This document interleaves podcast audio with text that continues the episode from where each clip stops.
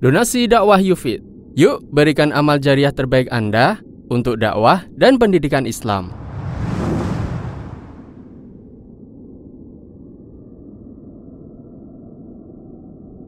Bismillahirrahmanirrahim. Assalamualaikum warahmatullahi wabarakatuh. Alhamdulillahi wa kafa wassalatu wassalamu ala rasulihil mustafa وعلى آله وصحبه ومن اكتفى أما بعد Kita panjatkan puja dan puji syukur kehadirat Allah Subhanahu wa taala. Pada kesempatan malam yang berbahagia kali ini, kita masih kembali diberi kekuatan, kesehatan, hidayah serta taufik dari Allah Jalla wa ala. Sehingga kita bisa menghadiri pengajian rutin untuk membahas adab dan akhlak di dalam Islam di Masjid Jenderal Besar Sudirman di kota Purwokerto ini. Kita berharap semoga Allah Subhanahu wa taala berkenan untuk melimpahkan kepada kita semuanya ilmu yang bermanfaat sehingga bisa kita amalkan sebagai bekal untuk menghadap kepada Allah Jalla wa ala. Amin. Salawat dan salam semoga senantiasa tercurahkan kepada junjungan kita Nabi besar Muhammad sallallahu alaihi wasallam kepada keluarganya, sahabatnya dan umatnya yang setia mengikuti tuntunannya hingga di akhir nanti. Para hadirin dan hadirat sekalian yang kami hormati dan juga segenap pendengar Radio Insani 88.8 FM di Purwokerto, Purbalingga, Banjarnegara, Cilacap, Wonosobo, Kebumen dan sekitarnya serta para pemirsa Surau TV, Niaga TV, dan Yufi TV yang semoga senantiasa dirahmati oleh Allah Azza wa Jal. Malam hari ini 26 Sya'ban 1439 Hijriah atau tanggal 11 Mei 2018 kita akan menyelesaikan insya Allah pembahasan tentang hadis yang nomor 21. Betul?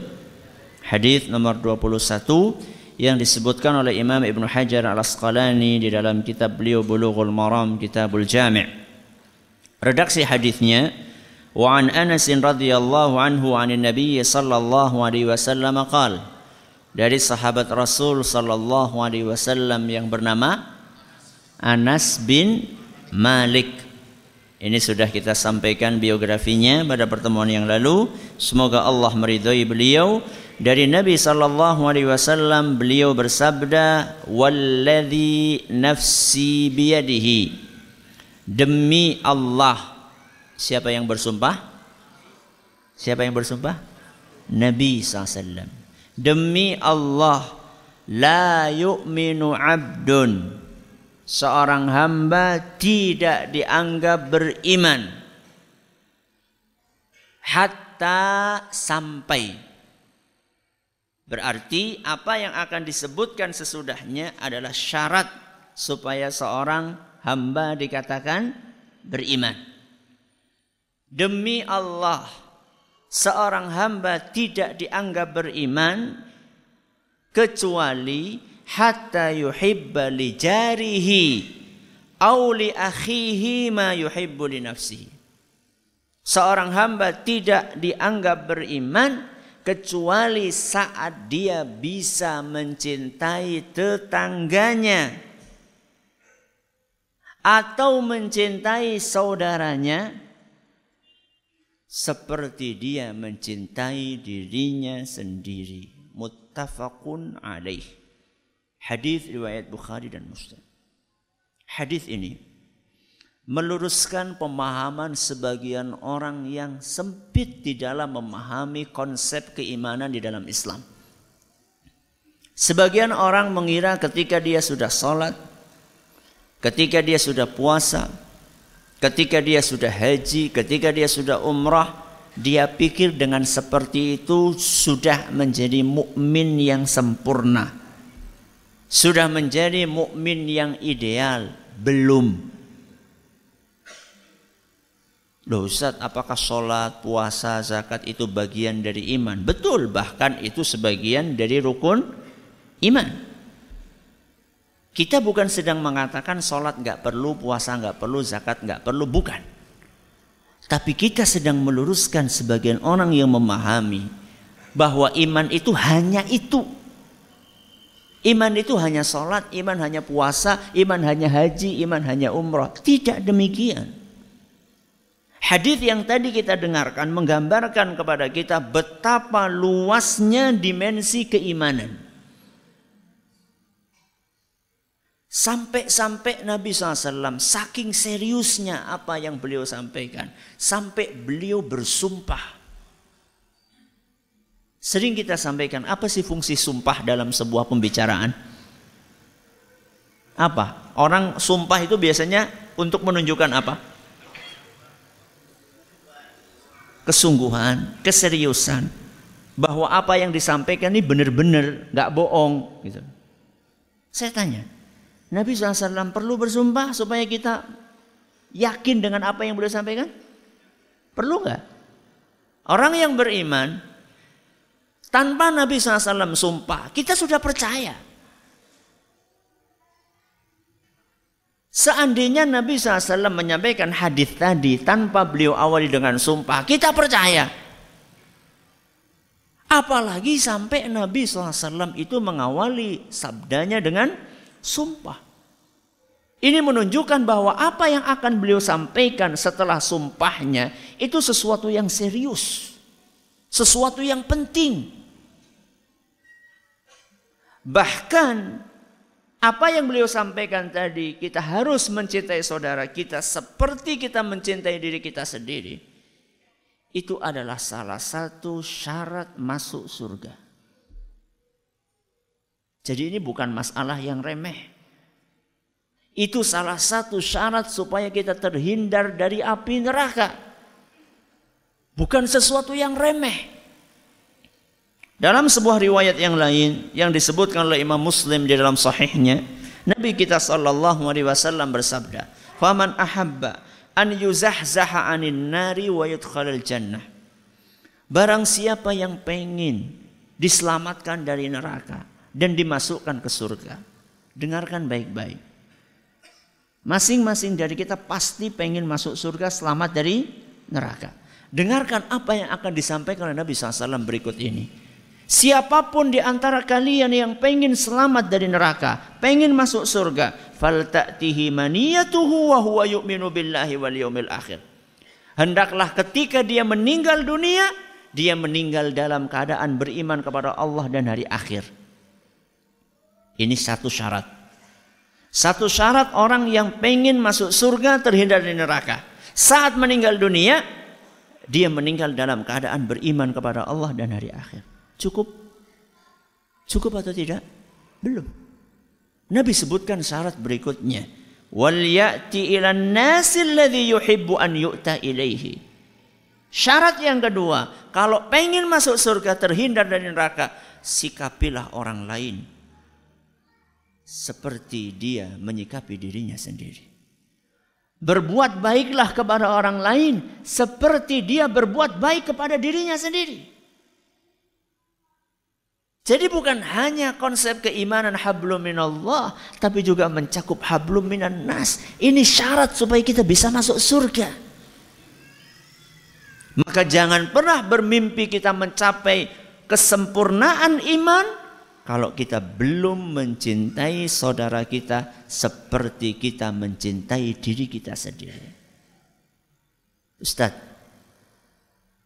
ada orang punya hobi. Hobi artinya apa? Kesukaan. Sesuatu yang dia sukai, sesuatu yang dia cintai. Dia mencintai wedang cium. Hobinya apa? Wedang cium.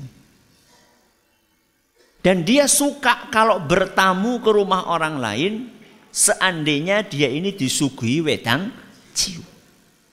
Saya mau mengamalkan hadis tadi Ustaz. Paham maksudnya? Apa? Saya suka disuguhi wedang cium. Maka kalau ada tamu datang ke rumah saya, ya tak suguhi cium.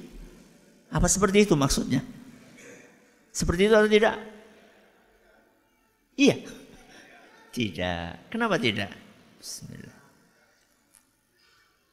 Katanya disuruh mencintai saudara seperti mencintai diri sendiri. Menyukai buat orang lain seperti menyukai buat diri sendiri. Saya suka kalau disuguhi wedang ciu, maka saya pun suka menyuguhi wedang ciu. Apa seperti itu? Tentu jawabnya tidak. Yang penting tidak dulu gitu ya. Masalah dalil nanti gitu ya. Jawabannya tidak. Kenapa? Karena hadis Nabi SAW. Ini kaidah. Hadis Nabi SAW itu tidak bisa difahami hanya dilihat dari satu redaksinya. Hadis Nabi itu memiliki banyak apa? Redaksi.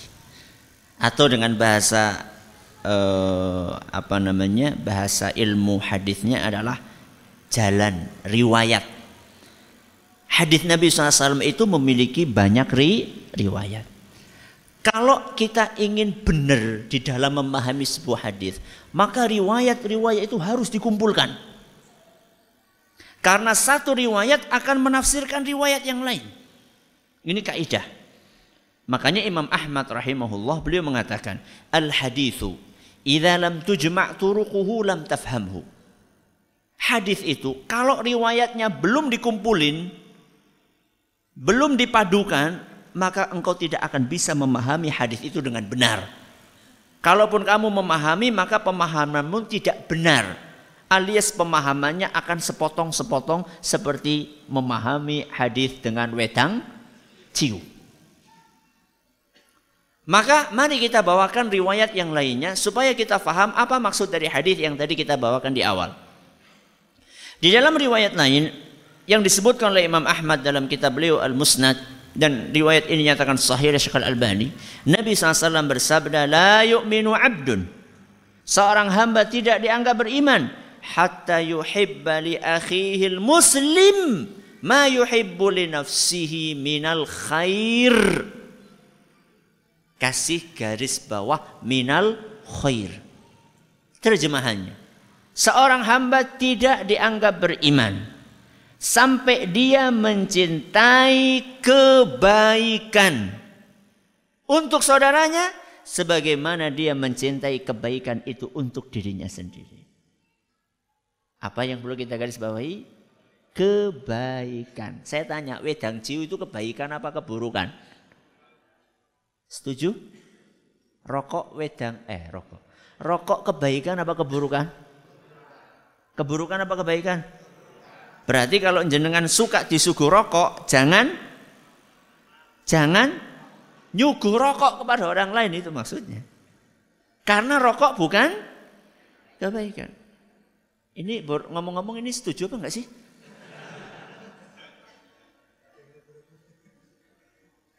Saya enggak tanya sama yang enggak ngerokok. Saya tanya sama yang ngerokok. Rokok itu kebaikan apa keburukan? Orang suaranya tadi. Apa? Tergantung. Tergantung apa nih? Jenengan itu loh, kalau pengen tahu rokok baik atau buruk, jenengan itu mau rokok baca bismillah nggak sih? Baca bismillah nggak? Tahu tuh mau ngerokok bismillah. Tahu tuh mon? Orang mbak itu sudah contoh bukti nyata rokok bukan baik. Makanya nggak perlu pakai bismillah gitu loh.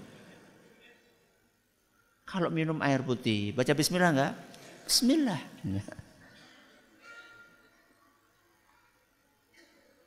Tema kita bukan rokok hari ini. Kebaikan itu apa? Dijelaskan di dalam syarah Sahih Muslim dari Imam An-Nawawi at-ta'at wal asya' al-mubahah. Kebaikan itu mencakup ibadah, ketaatan. Dan sesuatu duniawi yang mubah. Sesuatu duniawi yang mubah. Mubah ini bukan bahasa Jawa. Mubah ini bahasa Arab. Apa artinya mubah? Sesuatu yang diperbolehkan. Berarti sesuatu yang halal Ya. Wedang jiu kan nggak halal. Berarti enggak masuk kategori. Atau dengan kata lain singkatnya bahwa kita tidak dianggap beriman sampai kita mencintai kebaikan duniawi dan ukhrawi untuk saudara kita sebagaimana kita mencintai kebaikan duniawi dan ukhrawi untuk diri kita. Jadi kebaikan itu ada yang sifatnya apa tadi? Duniawi dan ada yang sifatnya ukhrawi. Kita bahas kita bahas yang mana dulu? Duniawi dulu apa ukhrawi dulu? Duniawi. Ya, sekarang kita hidup di dunia. Kebaikan duniawi itu seperti apa? Contoh ketenangan. Apa? Ketenangan. Tidur nyenyak. Kebersihan. Bau yang harum. Apa tadi? Contohnya? Ketenangan, kebersihan, bau yang enak, yang harum, rizki yang lancar, itu sesuatu yang sifatnya duniawi. Kita tidak akan dianggap sempurna keimanan yang ada di dalam hati kita sampai kita mencintai kebaikan-kebaikan itu buat orang lain seperti kita mencintai kebaikan itu untuk diri sendiri. Simpelnya, kalau kita suka tenang, maka bikinlah sesuatu yang membuat orang lain tenang. Kalau kita suka lingkungan kita bersih, maka wujudkan itu buat orang lain. Kalau kita suka mencium bau yang sedap, maka ciptakan bau yang sedap buat orang lain. Kalau kita suka rizki yang lancar, maka jangan anda merasa jengkel ketika rizki orang lain lancar.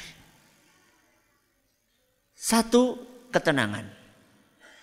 Jenengan merasa senang ketika punya tetangga yang suaranya tidak mengganggu istirahat Anda.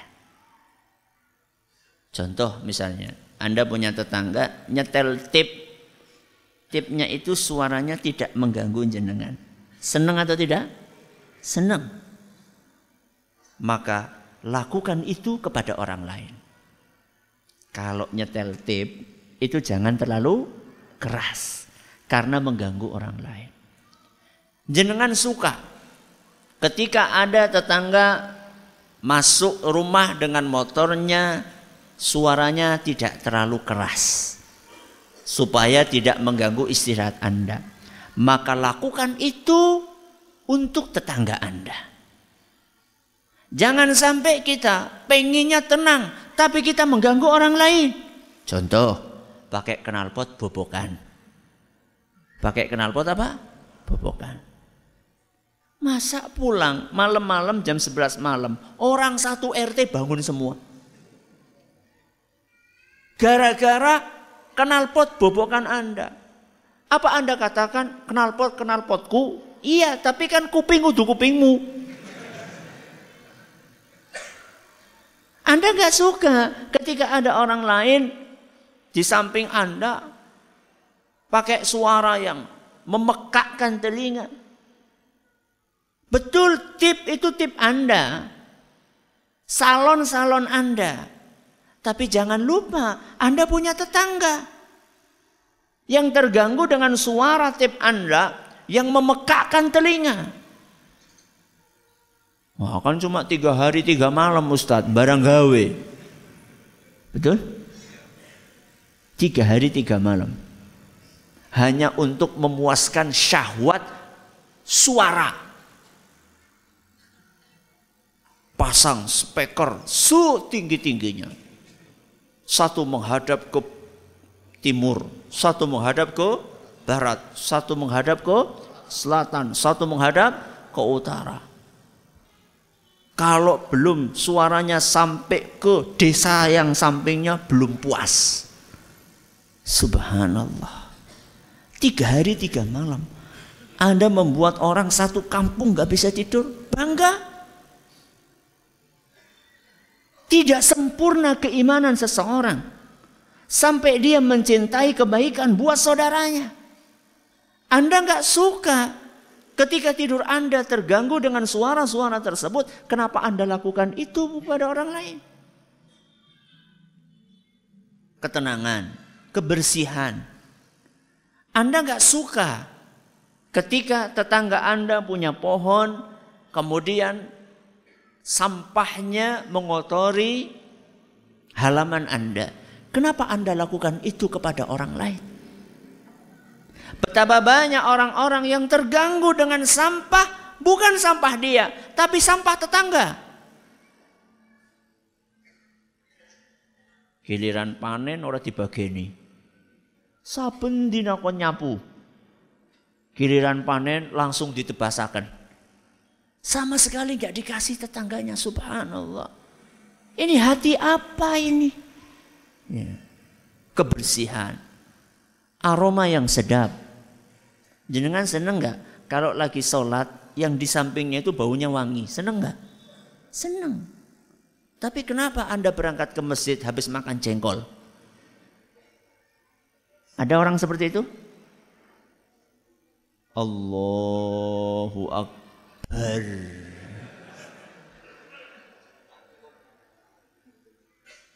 Bisa pingsan yang di sampingnya kaos dalam. Ya. Apa Anda tidak sadar ketika Anda itu Allahu Akbar. Ketiak Anda itu terangkat. Apa nggak sadar? Ya. Pikirkan itu. Innal malaikata tata'adza. Innal malaikata tata'adza mimma yata'adza minhu banu Adam. Malaikat itu terganggu dengan sesuatu yang membuat anak Adam terganggu. Berarti kalau ada orang mengganggu sampingnya jamaah itu sama saja mengganggu malaikat. Bayangkan wani-wani yang ganggu malaikat. Kaos kakinya itu loh sudah berapa hari dipakai. Ya orang ya kebangetan toh pas lagi sujud kepalanya persis di belakang kaos kaki jenengan yang sudah seminggu. Itu bagaimana aromanya gitu loh. Ngeri-ngeri sedap. Belum lagi sepiteng. Yang sudah sekian tahun gak pernah dikuras. Gak usah nunggu musim hujan. Sudah meluap ke mana-mana. Apalagi musim hujan. Belum lagi bakar-bakar sampah. Sengaja sampahnya itu pas mepet banget dengan jemuran tetangga. Coba bagaimana Anda rasanya? Cucian yang sudah dikasih pewangi, begitu diangkat baunya bau sangit. Apa rasanya coba? Apa Anda tidak sadar bahwa Anda telah melakukan hal yang serupa kepada tetangga?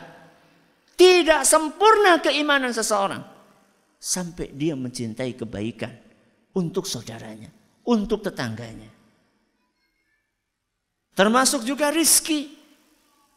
Seneng gak Anda kalau rizkinya lancar? Seneng gak? Seneng. Kenapa Anda kemudian merasa sedih saat melihat tetangga Anda yang ada di hadapan Anda rizkinya lancar? Bukankah Anda suka itu terjadi kepada Anda? Kenapa Anda tidak suka itu terjadi buat orang lain? Ketika Anda buka SPBU Mini, Pertamini, lancar, rame, Masya Allah, tabarakallah. Tahu-tahu tetangga depannya persis buka SPBU Mini. Seneng atau sedih? Jujur. Kalau Anda sedih, berarti belum sempurna keimanannya. Ya tapi kan berkurang. Oke, nek wis rezeki ini ora bakal berkurang. Tidak pernah ada cerita rizki itu salah alamat tuh tidak ada. Allah sudah tetapkan rizki Anda segini, rizki dia segitu. Malah kalau perlu kita doakan ya Allah mudah-mudahan tetangga saya rizkinya lancar. SPBU-nya laris. maka malaikat akan mengatakan amin walaka bimithlin. Amin walaka bimithlin. Hadis riwayat Muslim. Ketika kita mendoakan kebaikan buat saudara kita. Ketika kita mendoakan untuk saudara kita. Tanpa saudara kita tahu, maka malaikat akan mengamini doa kita. Dan malaikat berkata, ya koya pada pada. Koya pada pada. Alias kamu juga akan mendapatkan rezeki yang lancar. Ya Allah, jadikanlah SPBU tetangga saya lancar, laris, manis. Malaikat mengatakan, amin, kamu juga laris manis. Kenapa kita tidak seperti itu? Kenapa malah kita muka-muka bangkrut, muka-muka bangkrut, muka-muka bangkrut?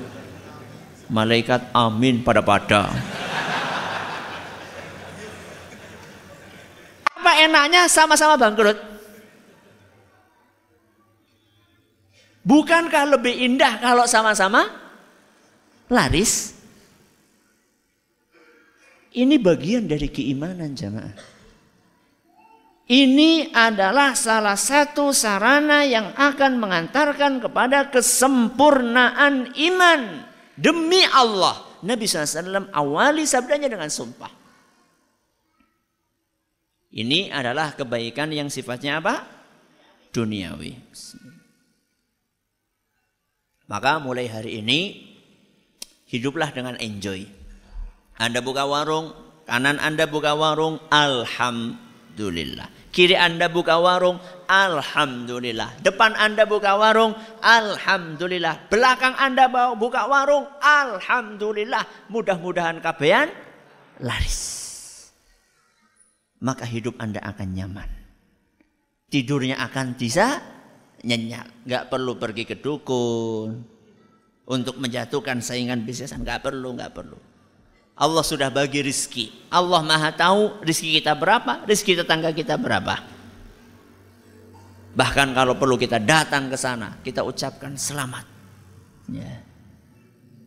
Selamat sambil tersenyum ya. Oh, selamat ya.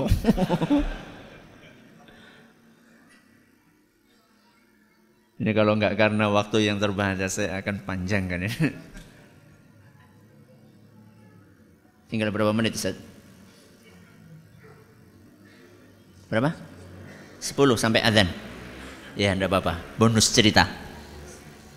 Ada seorang pemilik supermarket retail besar di Saudi. Bahkan salah satu supermarket retail terbesar. Dia punya direktur pelaksana. Dia komisarisnya dia yang punya, dia punya direktur pelaksana. Suatu hari di depan tokonya persis di depannya persis buka retail yang akan menjadi saingannya retail baru saingannya. Supermarket baru. Persis di depannya, berhadapan-hadapan. Direktur ini gelisah. Duh, gimana nih? Nanti penghasilannya berkurang. Gimana nih? Gimana nih? Akhirnya dia lapor kepada yang punya. Gimana ini? Kita ini oh, ada ancaman. Ada pesaing baru. Ada apa? Ada apa? Ada masalah apa? Ini ada orang mau buka retail baru. Alhamdulillah kata dia. Sekarang kamu pergi ke sana, kamu datang ke sana, bantu dia. Apa yang perlu dari kita bantuan? Dia butuh apa, butuh apa, bantu. Direkturnya ini orang mudeng. Ini konsep bisnis apa ini? Karena selama ini dia belajar bisnis dari barat. Yang ada adalah saling menjatuhkan. Ini konsep bisnis apa ini?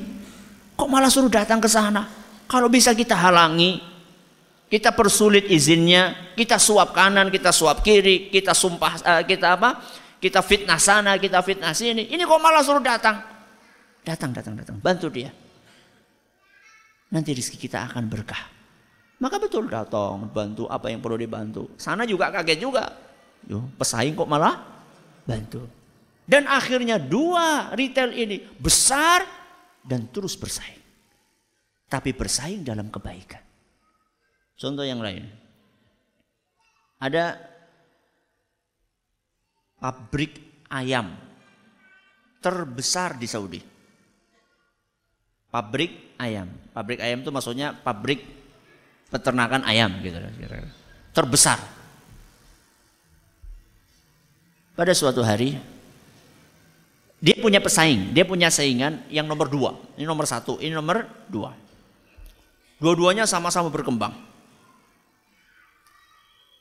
Karena satu masalah, saingannya ini yang nomor dua ini kolaps, bangkrut.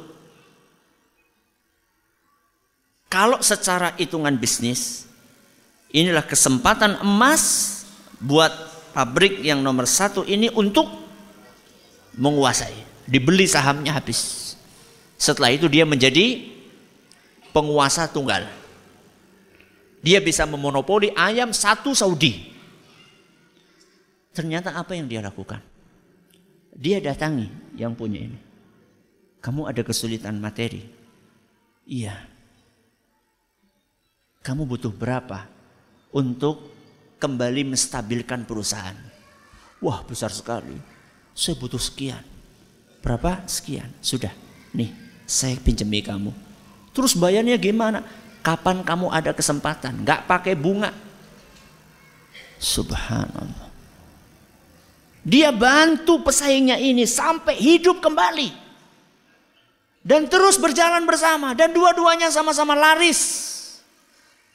Inilah konsep bisnis yang islami. Bukan saling menjatuhkan, bukan saling memfitnah. Dan ini adalah aplikasi dari hadis Rasul SAW. Demi Allah kalian tidak dianggap beriman sampai mencintai kebaikan buat saudaramu seperti kamu mencintai kebaikan buat dirimu sendiri. Ini yang pertama, kebaikan yang sifatnya apa tadi? Dunia. Kita berpindah kepada kebaikan yang sifatnya ukhrawi. Apa itu? Ibadah. Hidayah. Panjenengan datang ke sini. Itu nikmat atau bukan? Nikmat atau bukan? Nikmat. Kita dapat ilmu. Kita dapat pengetahuan baru. Kita dapat ketenangan hati. Kita dapat pencerahan akidah yang lurus.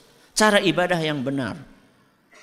Tidak dianggap sempurna keimanan kita kalau kita tidak menginginkan saudara kita mendapatkan seperti apa yang kita dapatkan. Tidak sempurna keimanan kita. Seandainya tidak ada keinginan agar saudara kita bisa mendapatkan hidayah seperti hidayah yang kita dapatkan. Maka tidak cukup jenengan sekedar hadir ke sini. Kalau bisa ajak orang lain. Ajak tetangga kita, Ajak keluarga kita. Supaya mereka merasakan kenikmatan seperti yang kita rasakan. Ini adalah salah satu sarana untuk mencapai kesempurnaan iman. Masuk surga itu jangan egois. Apa egois? Mikirkan awaknya dewek. Cuma mikirkan dirinya sendiri. Seneng nggak jenengan kalau tetangga jenengan ikut masuk surga? Seneng nggak? Senang, maka lakukan sarana untuk itu. Teman kita sekantor, tetangga kita, keluarga kita, ayah kita, ibu kita, istri kita, suami kita, anak kita, kakak kita, adik kita, pak de kita, bude kita, pak lek kita, bule kita, keluarga-keluarga kita. Jangan kita monopoli hidayah ini buat diri kita sendiri.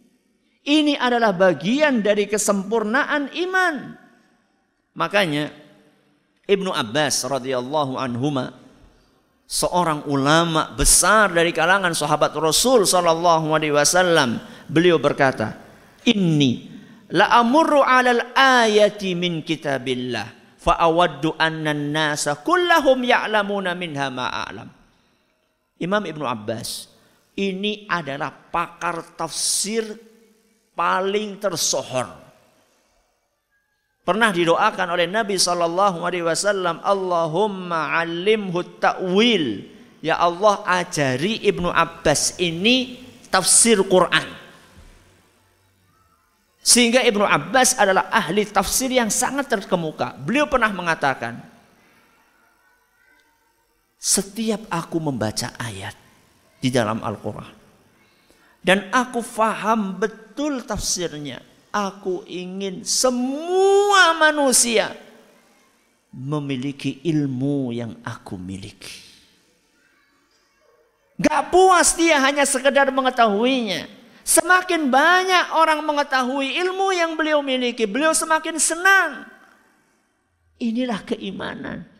Ada sebagian orang ketika datang ustadz baru, wah ini saingan ini.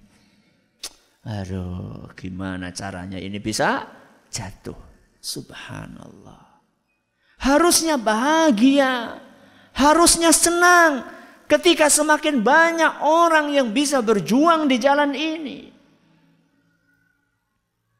Ada sebagian orang ngaku beriman, tapi begitu melihat orang lain melakukan kesalahan malah girang. Ini gak benar ini. Ketika kita melihat ada orang lain salah, kita harus sedih. Sebagaimana kita sedih ketika kita terjerumus kepada kesalahan. Ya. Ada sebagian orang kalau ketemu, ketemu wah si Ustadz Anu melakukan kesalahan, wah harta karun. Ya. Bahkan kalau perlu dia kumpulkan kesalahan Ustadz itu, nggak cukup dia hanya ngumpulkan, satu share. Ya. Dan dianggap ini bagian dari jihad. Na'udzubillahi min dzalik. Ini pola pikir seperti apa? Ya. Allah Subhanahu wa taala berfirman dalam Al-Qur'an surat An-Nur ayat 19. Innal ladzina yuhibbuna an tasyi'al fahishatu fil ladzina amanu. Orang-orang yang senang tersiar keburukan di antara orang-orang yang beriman lahum adzabun alimun fid dunya wal akhirah maka dia akan mendapatkan siksaan yang pedih di dunia dan di akhirat. Silakan. Alhamdulillahirabbil alamin wassalatu wassalamu ala nabiyyina Muhammadin wa ala alihi wa sahbihi ajmain. Amma ba'd. Pengen saingan bisnis kita sukses. Sebagaimana kita menginginkan bisnis kita sukses. Keinginan ini menumbuhkannya di dalam hati mudah apa gampang? Mudah atau susah? susah atau mudah? Susah. Kenapa? Karena hati kita belum bersih. Karena hati kita belum bersih. Mencintai kebaikan untuk saudara kita seperti mencintai kebaikan untuk diri sendiri. Ini tidak mudah. Akan tetapi akan terasa mudah kalau kita mendapatkan taufik dari Allah Kemudian kalau kita tahu dari mana mulainya.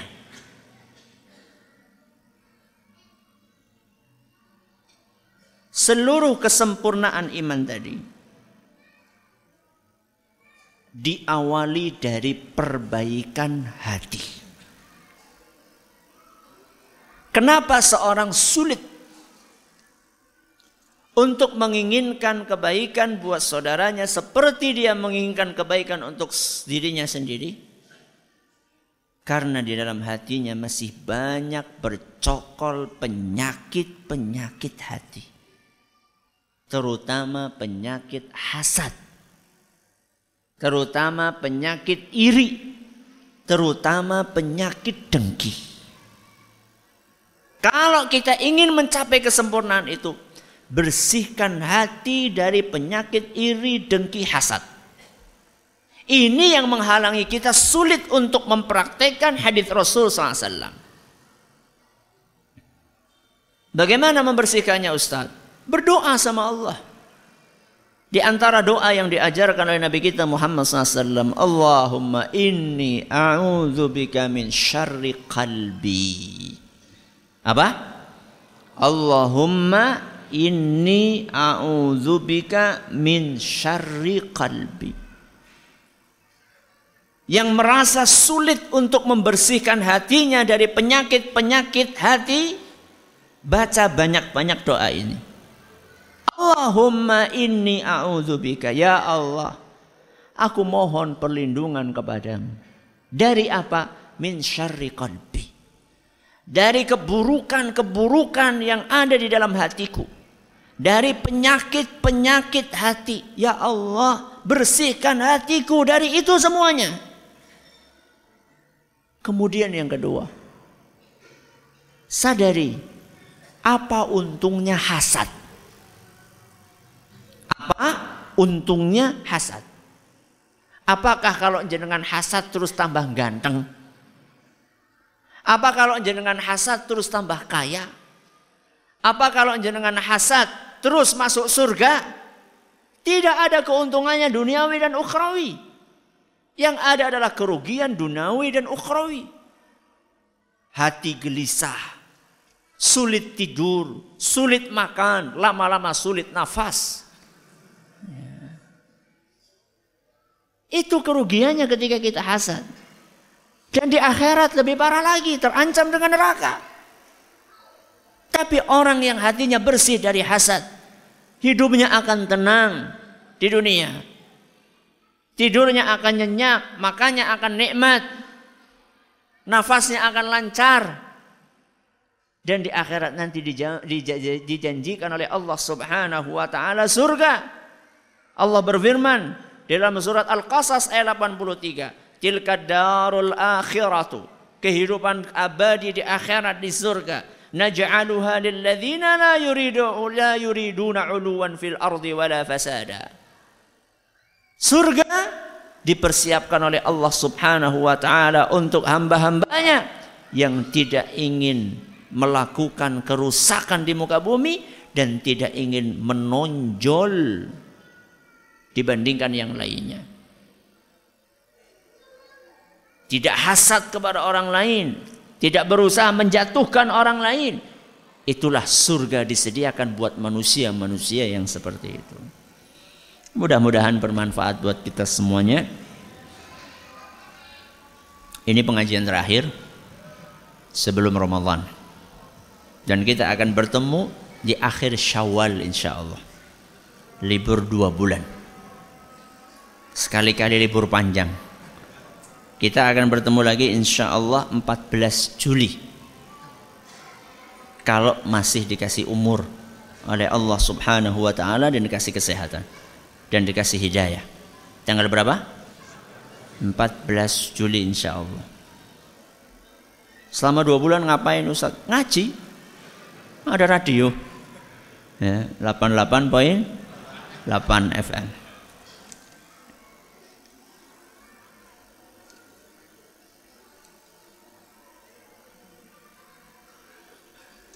Ustadz ketika saya mendapatkan kiriman tulisan bagus yang sangat bermanfaat maka tulisan itu saya share. Dan saya tidak nge-share kecuali yang bagus-bagus. Tetapi sering ditanggapi kurang baik malah ada yang memberikan julukan juragan share. Ini bagaimana Ustadz? ini tidak apa-apa. Tidak apa-apa. Juragan share Alhamdulillah. Untung bukan juragan ciu Saya pernah mengisi pengajian judulnya omongan orang. Saya nasihatkan kepada yang bertanya ini untuk cari kajian itu. Apa judulnya? Omongan orang. Anda jadi orang baik akan diomong. Anda jadi orang jahat akan diomong. Mendingan jadi orang baik. Anda jadi orang jahat, nggak nge-share diomong. Nge-share diomong Nge-share yang baik diomong, nge-share yang jelek diomong. Mendingan nge-share yang baik. Tapi jangan lupa ikhlas. Yang kedua, diamalkan. Ada sebagian orang begitu bagus share, bagus share. Anda ini udah ngamalin apa belum? Jangan lupa dengan diri sendiri. Jangan seperti lilin yang cuma menyerangi sendiri, eh, menerangi lingkungannya dia sendiri ter, terbakar. Ya. Ustadz boleh nggak kita berwudu dengan air di dalam bak kamar mandi sedangkan air tersebut sudah dimasuki atau diobok-obok tangan kita? Tergantung tangan anda najis apa tidak. Ya, kalau tangan anda nggak najis tidak apa-apa. Sungai itu berapa orang yang ngobok-ngobok? Air sungai itu adalah air yang suci. Jadi air yang suci itu air hujan, air sungai, air sumur, air laut. Ya, kecuali kalau Anda tahu persis bahwa di situ ada najis yang merubah baunya, aromanya, warnanya, rasanya. Kalau merubah, ya. Sesuatu yang najis yang merubah. Berarti kalau berubahnya bukan karena sesuatu yang najis, tidak najis. Contoh, sumur itu kan kadang-kadang bau lumut. Bau apa? Lumut. Lumut najis atau tidak? Tidak. Kadang-kadang warna air sumur itu tidak bening. Kalau musim hujan agak coklat. Itu coklatnya karena apa? Tanah. Tanah najis enggak? Tidak. Berarti tidak najis. Ya. Kecuali kalau nun sewu kemasukan harta karun berwarna kuning kemudian jadi kuning dan aromanya sesuai dengan warna kuning tersebut. Nah, ini lain masalah. Ini berarti sudah najis. Paham kan di harta karun itu? ya. Jadi insya Allah enggak. Kalau tangan anda enggak najis, ya enggak masalah insya Allah. Terima kasih atas perhatiannya. Mohon atas segala kurangannya. Wallahu taala a'la wa alam. Subhanakallahumma wa bihamdika asyhadu an la ilaha illa anta astaghfiruka wa atubu. Assalamualaikum warahmatullahi wabarakatuh. Donasi dakwah Yufid. Yuk berikan amal jariah terbaik Anda untuk dakwah dan pendidikan Islam.